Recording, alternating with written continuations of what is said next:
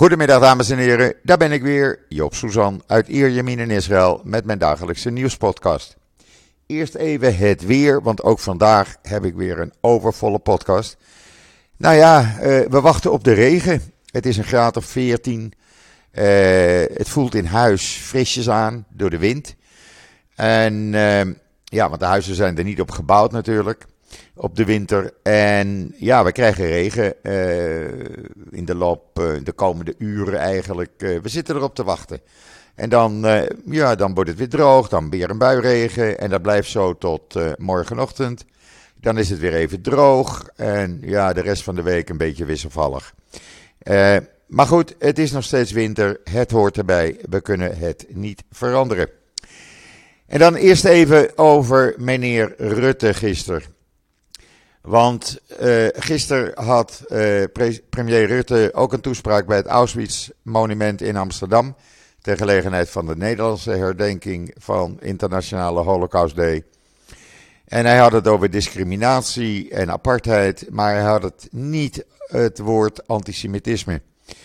Dat krijgt hij niet over zijn lippen en ik begrijp zoiets niet. Het gaat over de oorlog, het gaat over antisemitisme, het gaat over ruim 102.000 Nederlandse Joden die vanwege hun Jood zijn, zijn vermoord. Eh, ik begrijp dat niet. Hij heeft de laatste tijd wel meer last ervan, want verleden jaar heeft hij geen enkele Joodse feestdag gememoreerd. Hij heeft de Joodse bevolking van Nederland nooit een fijne Hanukkah of uh, Rosh Hashanah, het Joods nieuwjaar, ge, uh, gewenst. Niets van dat alles. Uh, Purim niet. nou ja, Pesach niet. Hij vergeet gewoon, denk ik, dat er Joden in Nederland leven. Iets anders kan ik er niet van maken. Maar ik vind het een beetje raar. Je bent premier van een land waar mensen van allerlei geloven en ook niet geloven wonen. Dan, dan, dan uh, memoreer je dat, dan praat je erover. En om het woord antisemitisme niet in je mond te nemen, ik vind dat een uh, schandaal. Ik moest dat even kwijt, want dat zat me hoog uh, sinds gisteren. Trouwens, wat ik gisteren over me heen heb gekregen, nadat ik een, een tweet met een foto van een aantal stenen uit het namenmonument waar familieleden van mij op stonden geretweet had en daarbij had gezegd dat als je dit ziet en 337 familieleden van mij zijn vermoord door de nazi's, kan je dat niet vergelijken met COVID. Nou, ik, uh, ik weet niet wat er in Nederland aan de hand is, maar ik kreeg honderden mensen over me heen die het daar niet mee eens waren. COVID is zelfs erger dan de Holocaust. En nou ja, dat ging de hele dag zo door. Ik heb er tientallen geblokkeerd, want ik, ben dat, ik heb daar genoeg van. Pratend over COVID. Hier in Israël hadden we gisteren opeens ruim 74.000 nieuwe besmettingen. Er waren bijna 250.000 mensen getest. 29,7% testen positief. Maar het goede nieuws is dat er uh, een daling weer opnieuw was van het aantal actieve viruspatiënten. Dat is goed nieuws. Uh, weer uh, ruim 8000 minder dan op zaterdag. 421.490 zijn er nog. In de ziekenhuizen liggen 1099 ernstige patiënten. Dat zijn er 13 meer dan op zaterdag. 332 van hen kritiek, 11 meer dan op zaterdag en 241 aangesloten aan de beademing. 55 mensen zijn overleden aan de gevolgen van COVID-19, waardoor het dodental nu op 8724 staat. Daarnaast heeft een uh, Israëlisch onderzoeksteam ontdekt dat de ouders hun kind, uh, de kans op uh, corona voor hun kinderen enorm kunnen verkleinen. En hoe dan? Door zichzelf te vaccineren.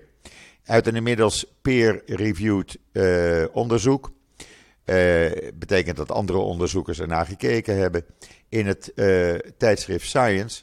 Daar uh, vermelden de onderzoekers dat tijdens de uitbraak van de Alpha-variant in begin 2021.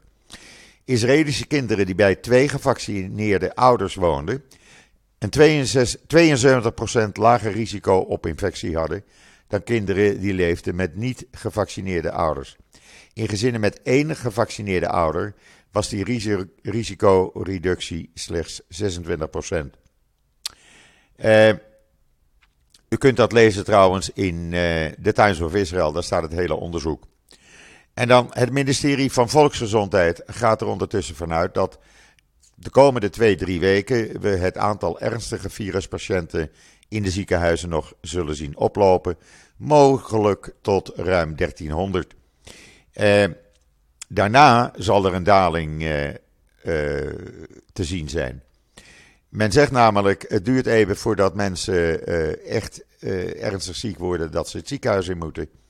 En dat zal de komende dagen ook blijken. Het zal een extra druk op de ziekenhuizen laten zien. Daarnaast overweegt de regering om een einde te maken aan de eis voor inkomende reizigers om zich voor de vlucht uh, een COVID-test te laten doen, zodat je voor de vlucht negatief getest bent. Uh, dat meldt Channel 12. Of dat ook voor niet-Israëlische reizigers geldt, dat kon het uh, nieuwskanaal er niet bij zeggen. Wel wisten ze zeker te vermelden dat iedereen die Israël binnenkomt, bij aankomst de gebruikelijke PCR-test moet ondergaan. En dan is heel apart, er is een Israëlische jongen van 11 jaar.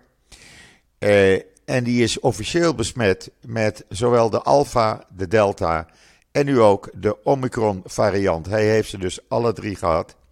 Hij is al drie, vier keer in quarantaine geweest. Hij voelt zich goed. Maar het is heel bijzonder. Hij is de enige, een jongen uit Varsaba, waarbij de drie verschillende uh, COVID-stammen dus uh, zijn vastgesteld. Ja, ik heb er ook nooit eerder van gehoord, maar het zou dus kunnen. En dan zeggen veel experts nu hier in Israël tegen de regering: stop nu maar met het groene paspoort. Dat haalt nu niets meer uit. Er zijn nu zoveel mensen besmet.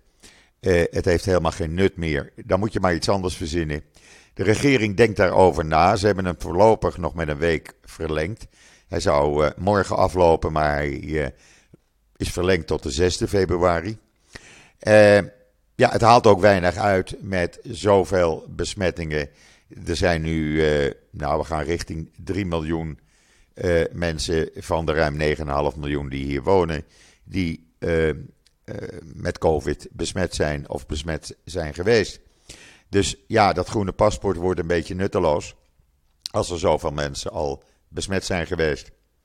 Dus kijken waar de regering mee komt. Ik ben benieuwd.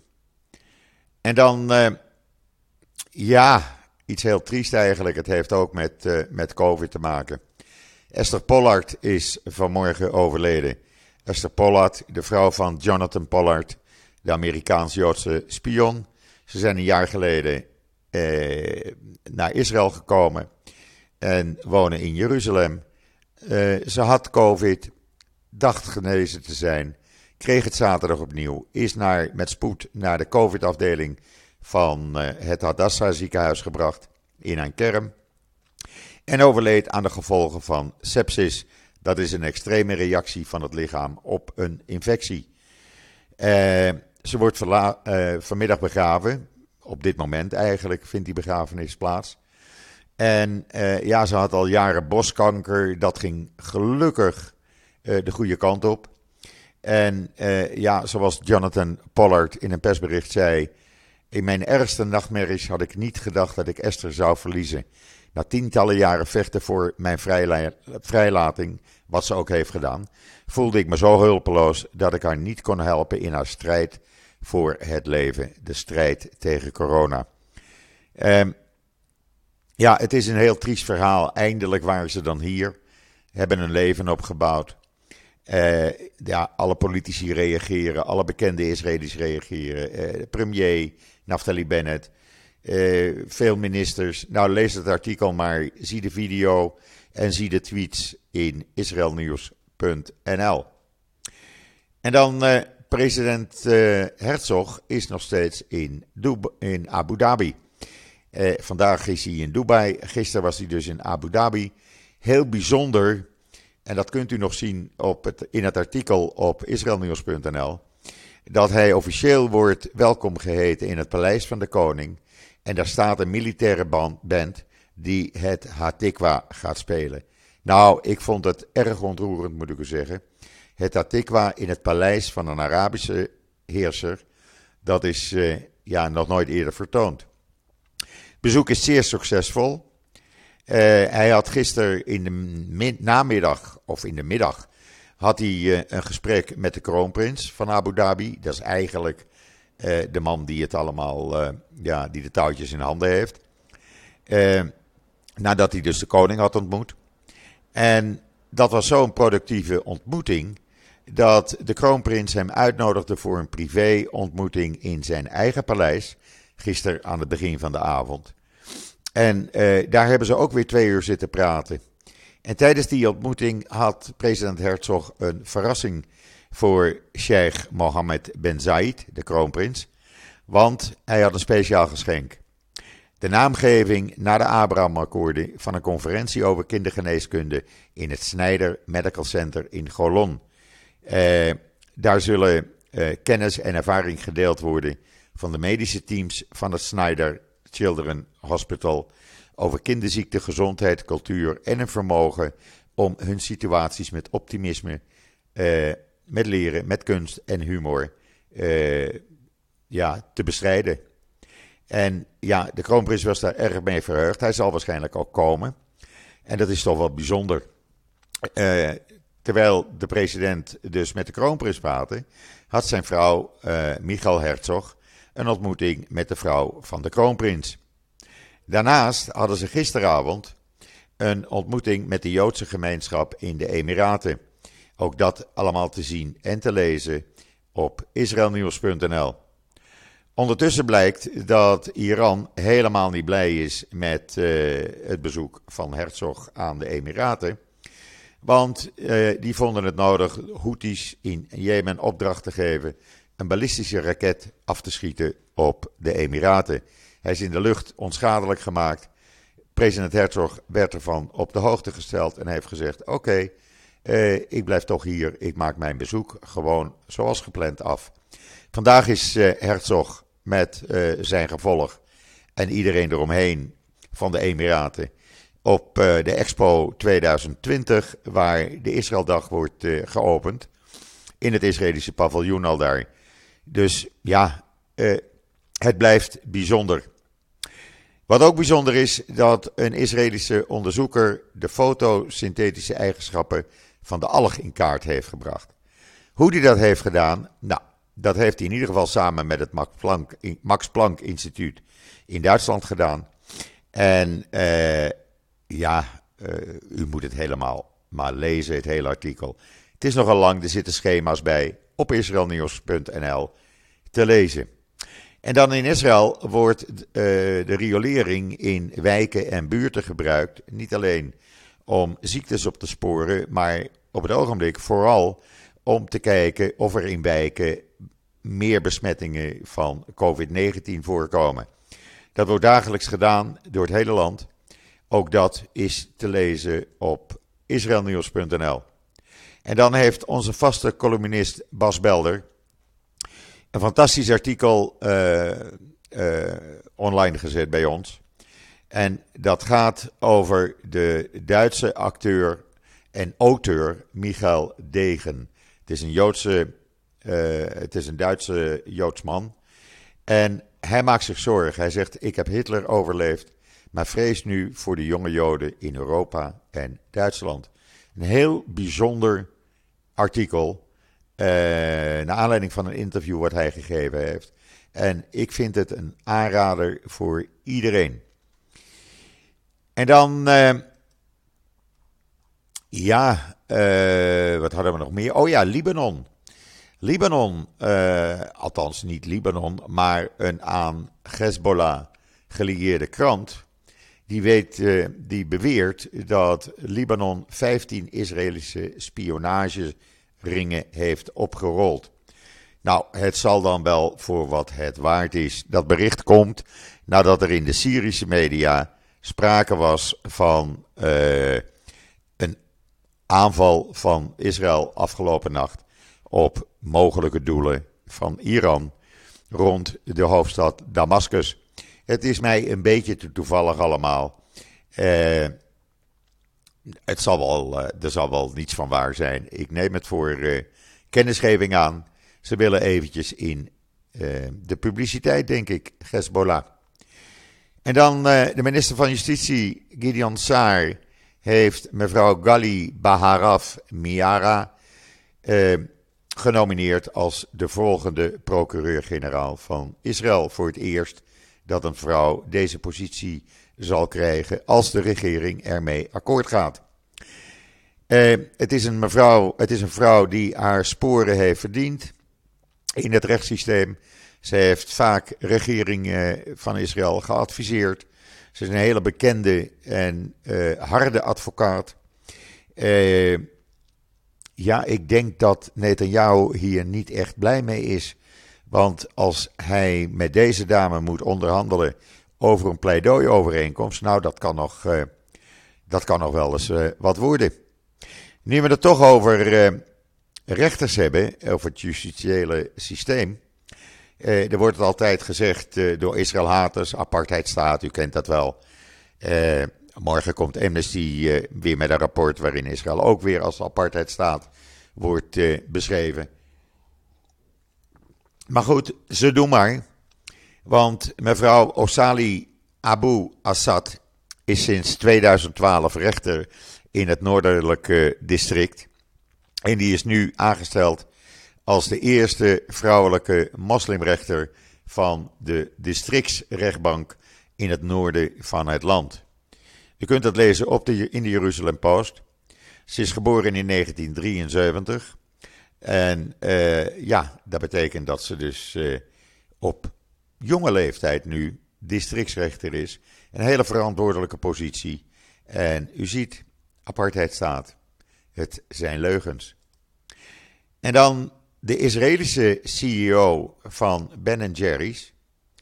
Uh, of eigenlijk is het de importeur, moet ik zeggen, van het bedrijf wat Ben Jerry's importeert. Die roept de regering op om uh, een boycott te gaan instellen tegen Unilever. Omdat Unilever natuurlijk de moedermaatschappij is van Ben Jerry's, die uh, gestopt is met het verkopen van ijs op de westelijke Jordaanoever. En uh, deze nieuwe CEO van het importbedrijf dat Ben Jerry's dus importeert, Avi Zinger, die zegt tegen Bennett: neem represailles tegen de moeder. En de moeder is Unilever. Want wat zij doen is eigenlijk wat de BDS adviseert. En Unilever doet, dat, doet dus wat de BDS adviseert. Dus boycotten die hap. We zullen zien, als dat inderdaad gaat gebeuren, kan dat uh, voor Unilever nog wel eens uh, heel nadelig uit, uitpakken. In Amerika zijn er al uh, een stuk of 26, 27 staten die Unilever al boycotten. En als, als Israël dus ook Unilever gaat boycotten, ja, dan kan dat gaan oplopen. En zal men dat in de omzet gaan merken. En dan was er weer een nazi-demonstratie in Orlando. Ja, je gelooft het niet, in Amerika van 2022 demonstreerden neonazis uh, met de leus: de Jood is de duivel. De Joden verkrachten kinderen en drinken hun bloed. En daar deden honderden nazi's aan mee. Ook uh, gingen ze tekeer tegen uh, gekleurde mensen. En ja, eigenlijk tegen alles wat niet in hun straatje paste. Zo ziet u maar, we zijn er nog niet vanaf. En dan de Israëlische minister van Economie, en minister Lieberman, de Israëlische minister van Financiën, die hebben in brieven uh, uh, voedselbedrijven en importeurs van levensmiddelen gewaarschuwd hun prijzen niet te verhogen. Zij zeggen daarin: jullie maken enorme winsten, jullie geven enorme bonussen en wij zullen uh, er niet mee akkoord gaan als jullie uh, de prijzen gaan verhogen. Klaar. Ze wilden sommige bedrijven met, met 7 of, of 10 of 14 procent verhogen. Eh, zoals bijvoorbeeld eh, Strauss. Dat is een van de grootste levensmiddelenbedrijven hier. Daarvan eh, staat in de brief: luister, jullie hadden recordwinsten. Jullie betaalden aan dividend eh, in 2021 84 miljoen dollar uit. Het heeft geen pas om dan eh, prijzen te verhogen. Zo ook de CEO van het importbedrijf Diplomat, die uh, onder andere Kellogg's en Pampers en Starkist tuna importeert. De directeur kreeg een bonus van 3,61 miljoen in 2021. En zeggen de ministers, dan ga je niet nu de prijzen verhogen. Ik vind dat nogal wat. Ik vind dat een hele goede zet eigenlijk. Want ja, eh, Ozem ook. Ozem is ook een van de grootste levensmiddelenbedrijven hier in Israël. Geven grote bonussen aan hun aandeelhouders.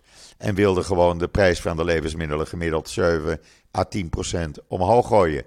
Nou, dat kan gewoon niet. Daar doen we niet aan mee, zeggen de ministers. Ja, hoe dat dan verder gaat, dat zullen we dan zien. Ik eh, ben in ieder geval blij dat men dat doet. Dan is de benzine, die gaat morgen ook omhoog in Israël. Die wordt eh, 1,89. In Israël wordt die vastgesteld door de overheid en die staat dan de hele maand vast. En kost dan overal hetzelfde, 1,89 per liter. Gelukkig nog niet zo hoog als in Nederland, maar toch, het stijgt hier ook. En dat heeft alles te maken met de stijging van de olieprijzen. Mede door eh, eh, ja, de spanningen tussen Rusland en Oekraïne, zullen we maar zeggen. Dus ja, we moeten kijken eh, hoe dat zich verder ontwikkelt. In ieder geval voor de maand februari weten we waar we aan toe zijn. En eh, 1 maart, ja, dan zien we wel wat hij dan gaat doen, de benzineprijs. Ja, ik had het al eerder gezegd, die, die kritiek die ik kreeg, omdat ik tegenstander ben van het vergelijken met de holocaust en de beperkingen rond corona. Ik moet u zeggen, ik heb daar slecht van geslapen, want het is een mentaliteit waarvan ik zeg: ja, sorry, eh, mensen die dat vergelijken, hebben echt geen, geen notie van wat Joodse families na de oorlog hebben doorgemaakt en nog steeds doormaken. En ik ben ook kennissen verloren aan corona. Uh, en ik ga dat echt niet uh, bagatelliseren. Ik ga het ook niet erger maken als dat het is. Maar de Holocaust valt nergens mee te vergelijken. En als meneer Rutte nou eens een keer uh, medeleven met de Joodse gemeenschap toont. en de eerstvolgende Joodse feestdag, dat is over een aantal weken, daar ook aandacht aan besteedt. Dan laat hij tenminste zien dat hij weet dat er Joden in Nederland wonen. Doet hij het dan weer niet, dan zeg ik: het is geen toeval meer. En hij doet het bewust. Dit brengt mij tot het einde van deze podcast. Op uh, de laatste dag van januari, morgen is het 1 februari. Ik wens iedereen nog een hele fijne voortzetting van deze maandagmiddag toe. Ik ben er morgen weer en zeg zoals altijd: tot ziens, tot morgen.